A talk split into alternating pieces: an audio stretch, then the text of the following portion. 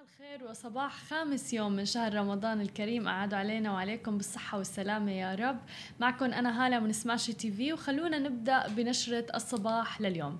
أول خبر معنا لليوم من السعودية حيث كشف صندوق الاستثمارات العامة السعودي يوم أمس الاثنين عن حصة قدرها 5.7% في Live Nation Entertainment وهو ما دفع أسهم الشركة للصعود بما يصل إلى 10 في المئة. ووفقا للبيانات أيضا فإن امتلاك 12.34 مليون سهم بيجعل صندوق الاستثمارات العامة السعودي ثالث أكبر مساهم في شركة Live Nation Entertainment في وقت سابق من هذا الشهر كشف الصندوق اللي بيدير أصول بتزيد قيمتها على 300 مليار دولار عن حصة قدرها 8.2% في Carnival Corp المشغلة للسفن السياحية واللي عم بتعاني من تداعيات فيروس كورونا المستجد.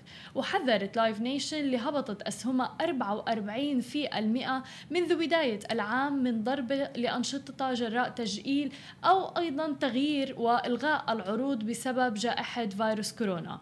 و Liberty Media Corp هي أكبر مساهم في Live Nation بحصة قدرها 25.05% بتليها Vanguard واللي إلها حصة 7.09% وفقا للبيانات اللي وصلتنا. فمثل ما عم نشوف صندوق الاستثمارات العامة السعودي عم بيشارك بحصة كبيرة في Live Nation Entertainment رغم أيضا تردي الأسواق والأوضاع بشكل عام في العالم بسبب تفشي فيروس كورونا. وتحديدا Live Entertainment يعني هي من القطاعات اللي تأثرت بشكل كتير كبير والإيفنتات والفعاليات لأنه تم تأجيلها وإلغائها ومنعا للتجمعات.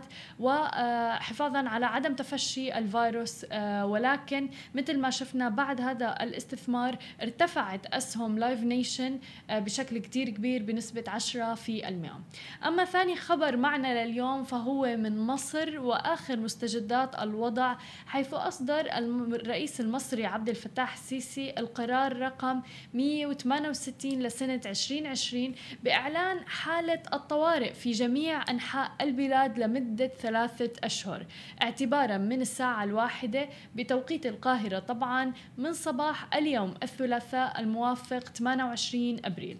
ونشرت أيضا الصحيفة الرسمية في عددها الصادر اليوم قرار الرئيس السيسي وأوضحت أنه القرار جاء بعد أخذ رأي مجلس الوزراء. ونظرا طبعا للظروف الأمنية والصحية الخطرة اللي عم بتمر فيها البلاد.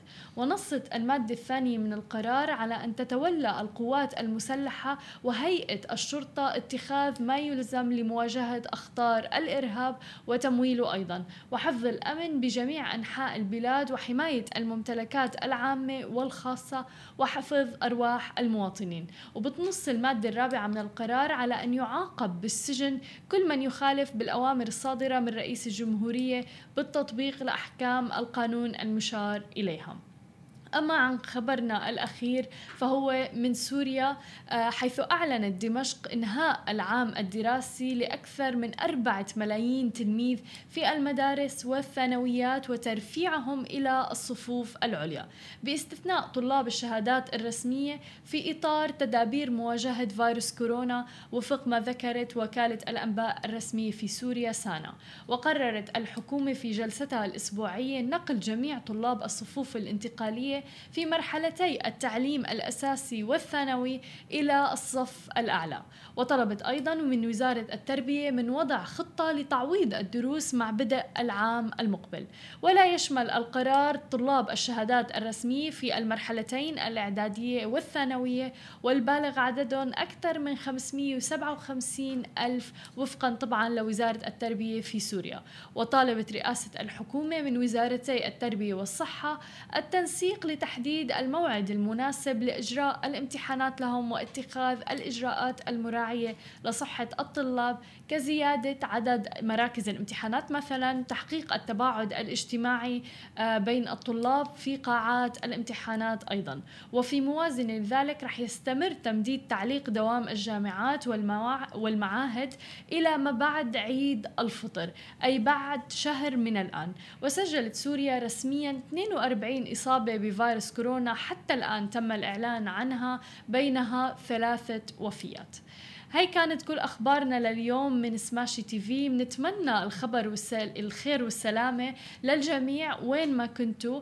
آه كنت معكم أنا هالة وبشوفكم الساعة واحدة ونص بأخبار مفصلة أكثر عن ال business والتكنولوجيا. بس أكيد ما تنسوا تتابعونا على كل مواقع التواصل الاجتماعي الخاصة ب Smashi TV تسمعوا البودكاست تبعنا وتنزلوا ال application نهاركم سعيد.